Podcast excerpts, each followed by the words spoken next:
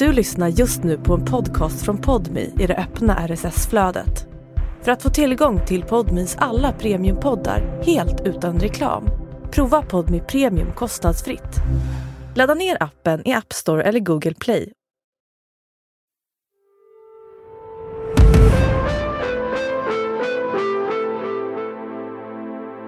Det här handlar om barn. Och så där känslan bara, vad fan, man ska lyssna på sin magkänsla. Barnläkaren är omtyckt av sina patienter och tycks gå en lysande framtid till mötes. Men plötsligt börjar föräldrar och barn vittna om att han gör obehagliga undersökningar. Samma mönster upprepade sig hela tiden. Några månader senare står han åtalad för över 50 fall av sexuella övergrepp och våldtäkter mot barn. Han hade eh, tittat och i och berört det här barnets underliv som då var blottat. Och också eh, filmat eh, hennes nakna kropp. Det är många tankar. Hur fan kan man komma undan så länge? Det här blir ett fall som skakar vårdapparaten i Sverige. Barnen är i åldrarna mellan 2 och 12 år och de har utsatts när de sökte sig till vården för att få hjälp. Ofta har föräldrarna varit med i rummet. Det här är ju en person som du säger, det är en förtroendeställning, en läkare som en på något sätt ska kunna eh, lita på.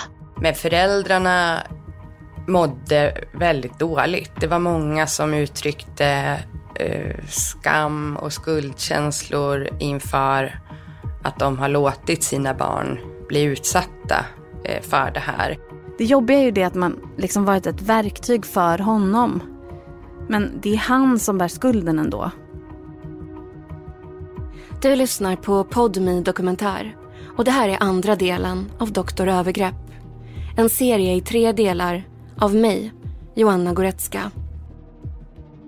Vi vill varna dig som lyssnar att den här serien innehåller skildringar av sexuella övergrepp mot barn.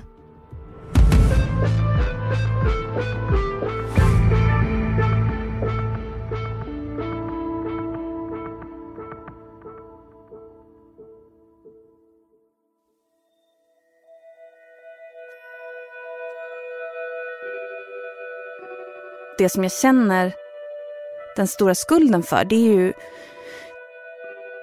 det är ju liksom att när man har den där magkänslan att, att något är fel, då ska man lita på den.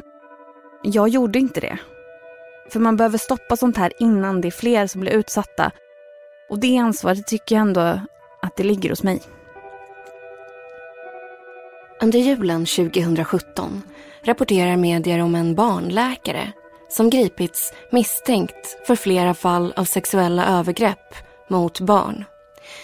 De misstänkta brotten ska ha ägt rum på sjukhus och vårdcentraler runt om i landet och via appen Kry. När Karin, som är mamma till en fyraårig flicka, tittar på nyheterna inser hon att den gripna läkaren kan vara samma man som hon och dottern hade ett Kry-samtal med under sommaren. Efter samtalet i vårdappen hade hon en konstig känsla. Som om det gått till på fel sätt. Och snart får hon det bekräftat. Det är samma läkare. I det här programmet kallar vi honom för David. Händelsen som Karin tänker på ägde rum ett halvår innan. Under sommaren 2017. Det var så att eh, min dotter skulle gå på simskola. Eller hon skulle gå på sån intensiv simskola som skulle vara i bara fyra dagar. Eh, men så hade hon fått feber och då ville jag ha ett intyg så att hon skulle kunna gå veckan efter istället. Så det var därför jag ringde. För att snabbt få sjukintyget ringer Karin vårdappen Kry. I videomötet får hon prata med en ung läkare. Han är lättsam och skämtsam avväpnande är nog rätt ord. Han var ju ganska ung och lite så tjena tjena, så inte så formell. Sen frågar han om varför man ringer och då förklarar jag att jag behöver ett intyg. Och då säger han, ja men det kan vi fixa, men då behöver vi undersöka henne lite och så. Läkaren ber Karin att vända telefonen mot sin dotter så att han kan undersöka henne. Så hon gör som han säger och börjar filma sitt barn. Och hon hade bara underkläder på sig för det var en varm sommardag. Och så ville han titta att hon inte hade några prickar på magen och lite sådana grejer som man kan få av vet, sån tre dagars eller fem dagars feber. Um, han skulle kolla i halsen och lite sådana saker. Men sen ville han kolla på hennes underliv. Och framförallt rumpan, kommer jag ihåg. Läkaren vill nu att Karin ska filma sitt barn utan underkläder. Han vill att hon ska sära på den fyraåriga dotterns ben och filma, både framifrån och bakifrån. Karin frågar varför. Och han säger att han ska kolla efter prickar där. Det här är något som jag har tänkt på i efterhand, att jag reagerade inte så mycket på att, att han ville kolla. Liksom. Utan däremot kände jag att jag blev obekväm i att filma, för det är någonting man har inpräntat. att man ska inte filma privata grejer på en telefon. Så det var nog det som jag tyckte var det konstiga i stunden. Och först tänkte jag att jag, ja, jag gör det. Det känns konstigt. Så vid ett tillfälle börjar Karin skaka lite på kameran. På det sättet blir bilden suddig och läkaren kan inte riktigt se vad det är hon filmar. Men sen kände jag att att det går inte så jag liksom skakar på telefonen så att han inte ska se. Och sen la jag ifrån mig telefonen. Vi kände mig obekväm och frågade, jag frågade honom vad han ville kolla efter. För han sa, nej men jag ser inte eftersom jag ju skakade på telefonen. Så istället kollar jag själv om hon var röd och han får liksom berätta vad jag ska titta efter. Och det är det som jag tycker känns så himla konstigt att, jag inte, att man inte tänker på det då. Det var liksom först efter, ja, men när vi hade pratat klart. Då gick jag ut i sovrummet och berättade för min man att gud, det här kändes jättekonstigt. Och han sa också att det låter konstigt men, men sen var det liksom inte så mycket mer med det. Händelsen dröjer sig kvar i Karins medvetande. Men hon ringer inte till Kry eller till polisen. Det är svårt att veta om det var rätt eller fel. Läkaren kanske bara var noggrann. Det är inte lätt att veta vad man ska göra i det här läget.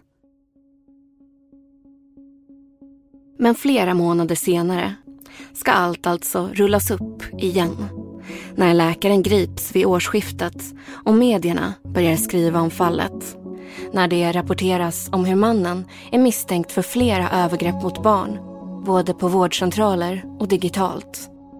Då inser Karin att det kan vara samma person som ville att hon skulle filma sin dotter. Det var någon dag efter det som jag var inne på Flashback och där såg jag hans namn. Det var samma läkare. Då ringde jag Kry och berättade om vad vi hade varit med om. Sen var det en huvudansvarig som ringde upp och vi pratade ganska länge. Då höll han på att gå igenom alla journaler. Enligt lagen ska en patientjournal innehålla information om de undersökningar som har gjorts och de behandlingar som patienten fått. Och en underlivsundersökning ska alltid journalföras. Men det visar sig att läkaren knappt har gjort någon anteckning i Karins dotters journal. Det är överlag väldigt svårt för Kry att se vilken typ av undersökningar som David har gjort.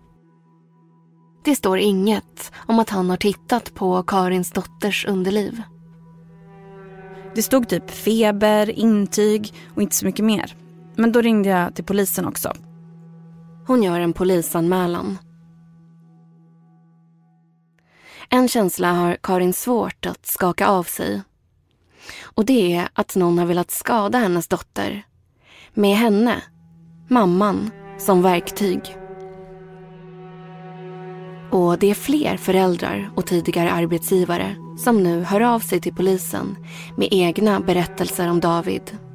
Allt fler familjer blir en del av en omfattande utredning. David, som polisanmäldes under vintern 2017, är till en början misstänkt för ett par fall av sexuella ofredanden mot barn. När han sen grips på Krys huvudkontor under mellandagarna växer snabbt utredningen. Anmälningarna kommer in från olika delar av landet. Från arbetsgivare och föräldrar till Davids patienter. Polisen Stefan Hammarroth och utredningsgruppen får sätta kurs mot orter där den misstänkte läkaren tidigare arbetat. De möter familj efter familj som har egna berättelser om Davids undersökningar. Dels besökte vi olika eh, platser i landet, eh, vi som utredningsgrupp, där eh, mannen hade jobbat och intervjuade sig, men förhörde arbetskollegor, andra närstående. Vi träffade ett antal av de här, de drabbades eh, anhöriga då. Om det var barn så träffade vi äldre, kanske vårdnadshavare eller närstående. Eh, sen kan jag inte säga att alla personer gjorde gällande att eh, man hade samma känsla eller samma uppfattning om allting som har hänt. Och det är omöjligt när det är så pass många som har varit drabbade. Men eh, man ska nog lita på sin magkänsla generellt sett kanske. Det är väl min lärdom som jag dragit personligen att är det någonting oavsett arena eller vad man än gör. Känns magen fel så kanske det är någonting man ska ta ett steg tillbaka och känna efter en gång till. Utredningen pågår i över åtta månader med en förundersökning på flera tusen sidor. Och under hösten 2018 väcker kammaråklagare Ann Lidén åtal mot den misstänkte läkaren. Det var ett väldigt omfattande ärende, säger Ann Lidén. Och mannen är misstänkt för flera olika typer av sexuella övergrepp. Även våldtäkt. Det började eh, som eh, ett, fyra stycken misstankar om eh, sexuellt ofredande mot fyra olika barn. Och eh, ganska snabbt så fattade vi misstanke om att den här läkaren hade begått övergrepp mot fler barn. Och eh, vi började ju undersöka det här i takt med att anmälningarna kom in. För att det var så det var, att eh, anmälningar kom in dels från föräldrar till barn som vände sig direkt till polisen. Men anmälningar kom också in från olika sjukvårdsinrättningar där då ja, de olika sjukhusen eller vårdcentralerna eh, själva hade gjort undersökningar eh, och funderat kring om det fanns anledning att tro att barn hade blivit utsatta för brott. Och i de fall de trodde det så anmälde de till polisen. Och då tog vi vid, polisen eh, och jag då, eller åklagare. Jag kom in i ett lite senare skede, men eh, så, så satte det igång. Eh, och ganska snart så insåg vi att det var fråga om många, många misstankar. Eh, och det resulterade ju i till slut att åtalet omfattade ja, drygt 50 barn och knappt 20 vuxna. Och eh, det var ju rubriceringar från grov våldtäkt mot barn i några fall. Eh, via då grovt, grovt sexuellt övergrepp mot barn. Sen var det fråga om utnyttjande av barn för sexuell posering. Också det grovt brott. Eh, det var fråga om sexuellt utnyttjande av person i beroendeställning, eh, sexuellt ofredande och också barnpornografibrott. David åtalas alltså för övergrepp mot 52 barn och för sexuellt utnyttjande av person i beroendeställning mot 18 vuxna. De 18 vuxna är föräldrar och vårdnadshavare som sökte vård hos läkaren via Kry för sina barns räkning. De uppmanades av läkaren att filma barnens underliv. Men den större delen av de misstänkta fallen har skett vid ett fysiskt möte. Åklagare Ann Lidén såg tidigt ett tydligt mönster i ärendet. Ett återkommande händelseförlopp. Vi bläddrar i förundersökningsprotokollet. I förhör efter förhör framträder samma bild av vad som händer i läkarens undersökningsrum. En förälder kommer till en vårdinrättning med sitt barn. Det handlar oftast om en vanlig åkomma, som ont i magen eller feber. De får gå in i ett undersökningsrum där David befinner sig. Han har jobbat på ställen runt om i hela landet. Men på barnsjukhuset Martina minns chefsläkaren Claude Collin att David oftast ville ta ett rum som låg en våning upp och långt bort i korridoren. Att han tog ofta rum långt bort på vår vårdenhet, inte så nära receptionen. Och jag vet att han gärna ville vara på övervåningen där vi är nu, eh, fast han inte behövde. Föräldern följer med barnet in i undersökningsrummet. Många har ett gott första intryck av läkaren. Han beskrivs som rolig och charmig. Han gör så att föräldern och barnet slappnar av. Eh, och han gjorde först en, ja vad ska vi kalla det, vanlig Millions of people have lost weight with personalized plans from Noom.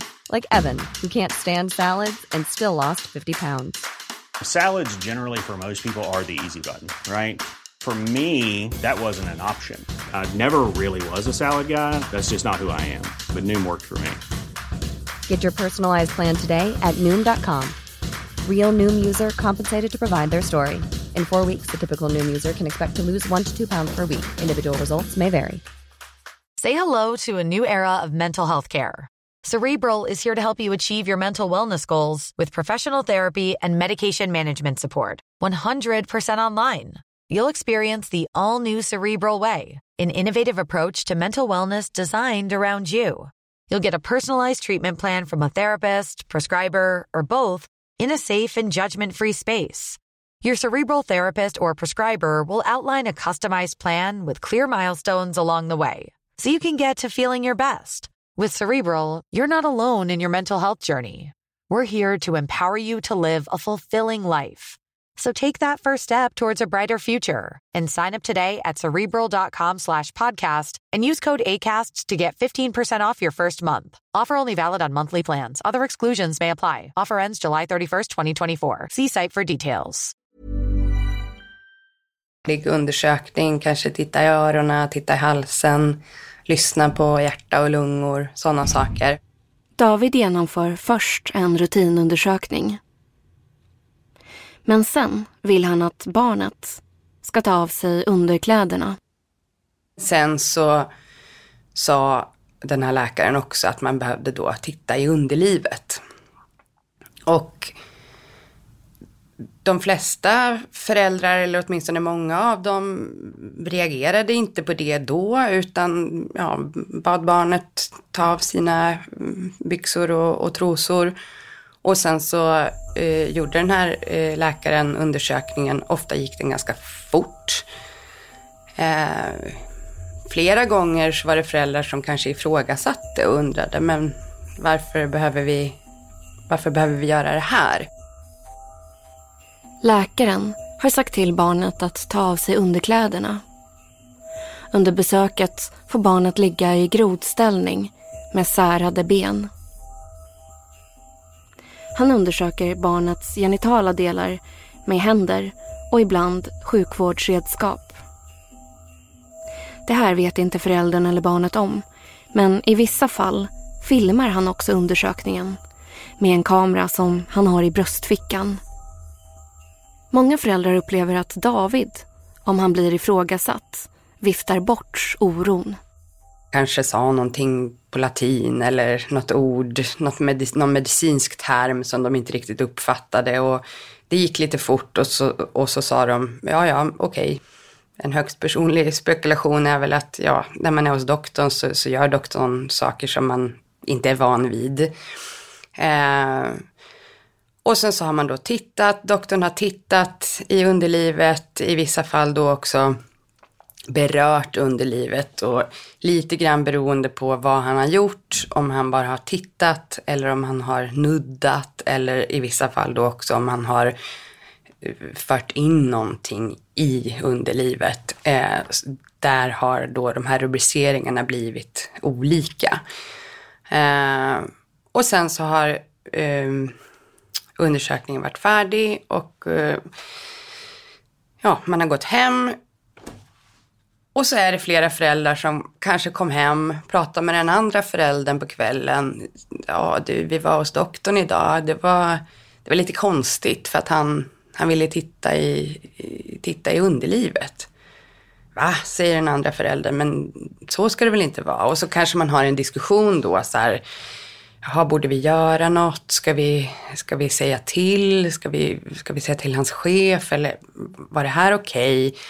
Och så pratar man lite och så tänker man, ja men han var ganska ung, han var ju supertrevlig och, och hjälpsam och ja, mm, han var ju från ett annat land, det kanske var något kulturellt, nej men vi ska inte, vi ska inte göra något. Barnet verkar ju inte ha tagit någon notis om det här, nej men vi, vi gör ingenting.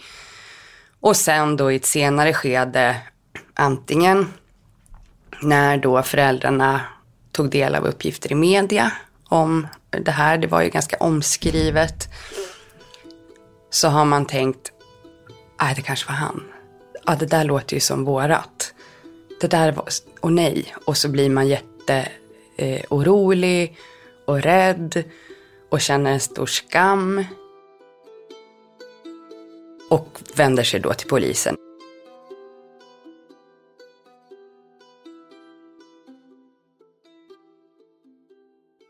Huvudförhandlingarna drar igång under hösten 2018 vid Stockholms tingsrätt. Utredaren och polisen, Stefan Hammarroth, minns en fullsatt rättssal med en konstigt dämpad stämning. Ja, det är klart att det är en tryckt stämning. Det är, det är självklart när överhuvudtaget när det, det kommer till en tingsrätt med personer som kanske inte vanligtvis rör sig i de miljöerna. Eh, personer som varken har blivit drabbade eller varit den personen som har varit åtalad. Det, det är en ny miljö och det kan vara klart att det är en jobbig miljö. För det är jobbiga saker som avhandlas. Någon har blivit utsatt för någonting av någon annan och det ska tas upp. Så bara generellt så är det klart att det är en tuff stämning, eller tuff stämning, det är en tryckt stämning. Eh, och sen när det rör ett mål av den här karaktären eh, till mångt och mycket sexualbrott så är det också naturligtvis en våt filt över det hela. Det blir en dämpad stämning. Eh, sen är det ju väldigt många inblandade i och med att det är så många målsägande beträden, eh, två försvarare och flera åklagare så det är ju väldigt fullt och det gör att det, det är mycket människor i omlopp. Så det, det är väl det jag kan säga. Jag har aldrig varit med om en så full rättssal någon gång av parter Två av de målsägande i tingsrätten är Karin och hennes barn.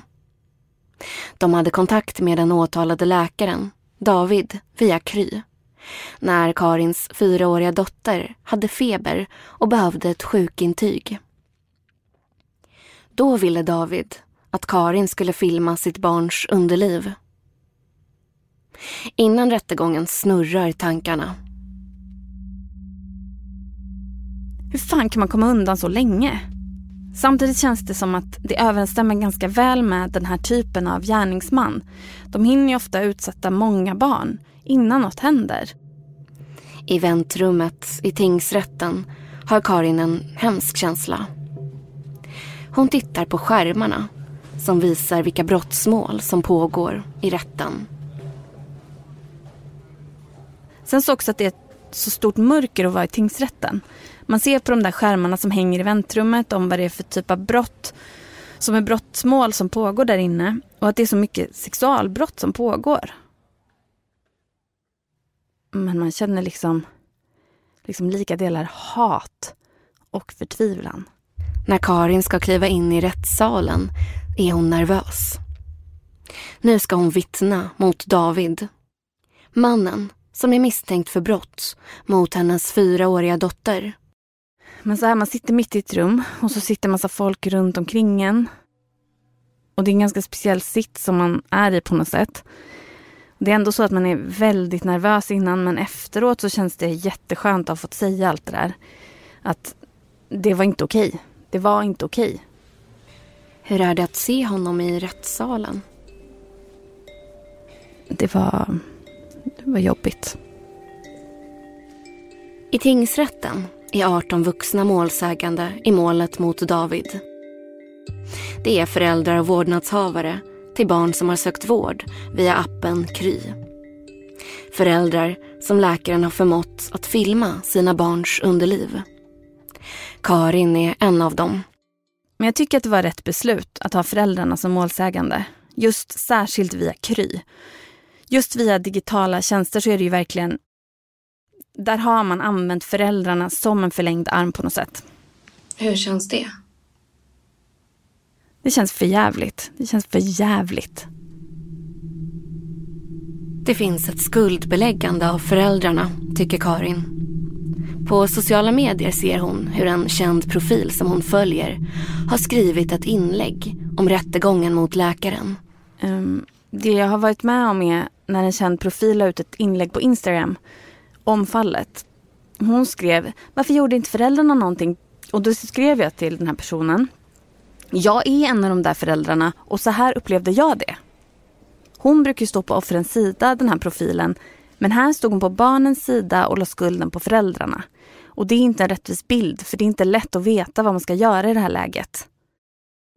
Jag tror också det här med att man alltid får frågan varför gjorde du inte en anmälan direkt? Den, den tycker jag är svår.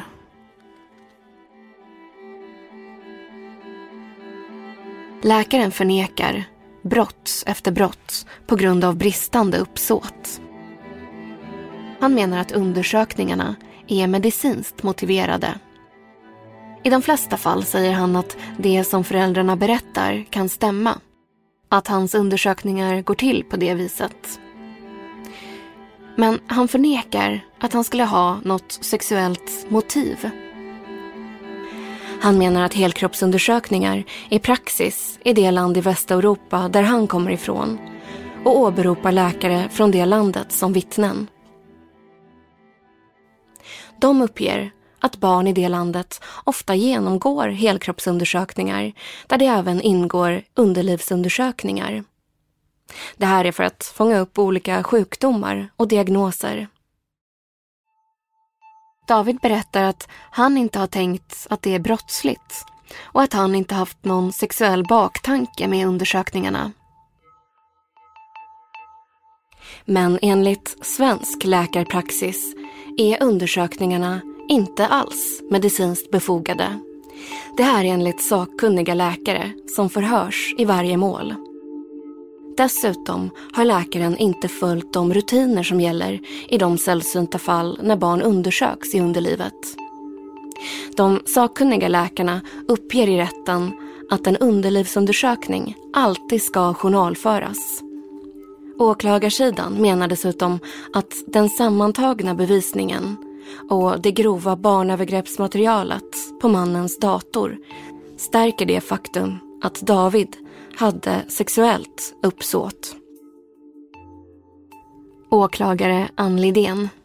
Den bevisning som vi kunde eh, lägga fram i det här åtalet mot hans uppgifter bestod dels då i det här filmade övergreppsmaterialet som då kom att rubriceras som barnpornografibrott. Eh, det var väldigt eh, tydligt eh, vad det var, var fråga om så att säga. Det fanns också vissa likheter i de eh, barn som, som fanns med på det filmade materialet i ålder och kön liknade eh, barnen som, som han själv utsatte. Sen var det ju också som så att i några fall så hade han ju själv filmat barn i smyg. Eh, det var eh, några utav dem eh, där rubriceringen blev grov våldtäkt mot barn. Där han då hade eh, smygfilmat de här undersökningarna. Och eftersom de här filmerna påträffades i hans dator, eh, de var också sparade på ett sånt sätt som ja, gjorde att vi kunde dra slutsatsen av att de, det var som en liten samling. Eh, och eftersom de här filmerna föregicks av en viss planering i form av att ja, innan själva läkarbesöket så gjorde han i ordning den här kameran som han dolde i sin bröstficka och eh, ja, också innan kontrollerade hur det såg ut så att säga. Eh, och sen då sparade det här materialet. Eh, det i kombination med då det här materialet som han hade laddat ner på internet och också eh, filmer som han själv hade gjort på, på eh, en flicka som han hade eh, varit barnvakt åt. Det sammantaget eh, med då det faktum att det inte var medicinskt motiverat eller medicinskt befogat att göra de här undersökningarna. Det styrkte då att det fanns ett sexuellt motiv till att göra det. Och det kom både tingsrätt och hovrätt fram till sen också i domen. Mm. Vad händer när han är barnvakt åt det här barnet? Det var fråga om eh, grova sexuella övergrepp blev rubriceringen och också eh, sexuellt ofredande och då också utnyttjande av barn för sexuell posering, det vill säga att han hade filmat. Eh, där var det fråga om liknande situationer som vid de filmade läkarundersökningarna. Eh, det vill säga ja, att han hade eh, tittat och, i och berört det här barnets underliv som då var blottat. Och också eh, filmat eh, hennes nakna kropp eh, i situationer som då också eh, påminde om eh, delar av det övergreppsmaterial som vi hittade som var nedladdat från internet. Huvudförhandlingarna kommer att pågå i över 50 dagar. Och några månader in i rättegången så åtalas läkaren för ytterligare tre fall av sexuella övergrepp. I nästa avsnitt av Doktor Övergrepp. Eh, det var väldigt eh, liksom, psykiskt påfrestande att få förstå och höra vad de här eh, barnen och eh, föräldrarna hade utsatts för. Om du går med, med ditt barn till en läkare, till vården, då är det för att ditt barn på något sätt har ett lidande eller du misstänker, alltså det är någonting som inte är bra, vi behöver hjälp här. Och det här är personen som ska hjälpa mitt barn. Hur har det varit möjligt för läkaren att begå brott under flera år? Det visar sig att det fanns orosindikationer kring läkaren redan 2016. Om man tänker på hur många barn är det som liksom bär på det här och som inte berättar om det. Vi var de som kom ut som visselblåsaren som vågade göra det. Jag tycker fortfarande att det, att det är lite jobbigt att prata om det.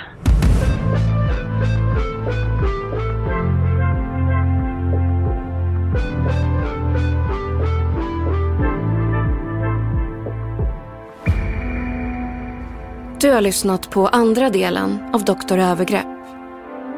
En podmi dokumentär i tre delar av mig, Joanna Goretzka, från produktionsbolaget Filt. Producent Klara Loden. Exekutiv producent hos Podmi, Emilia Melgar Arnheim. Tekniker Astrid Ankarkrona. Karin heter egentligen något annat och vi har bytt ut hennes röst. Läkaren nekar till brottet. Han har via sina advokater avböjt att medverka i programmet.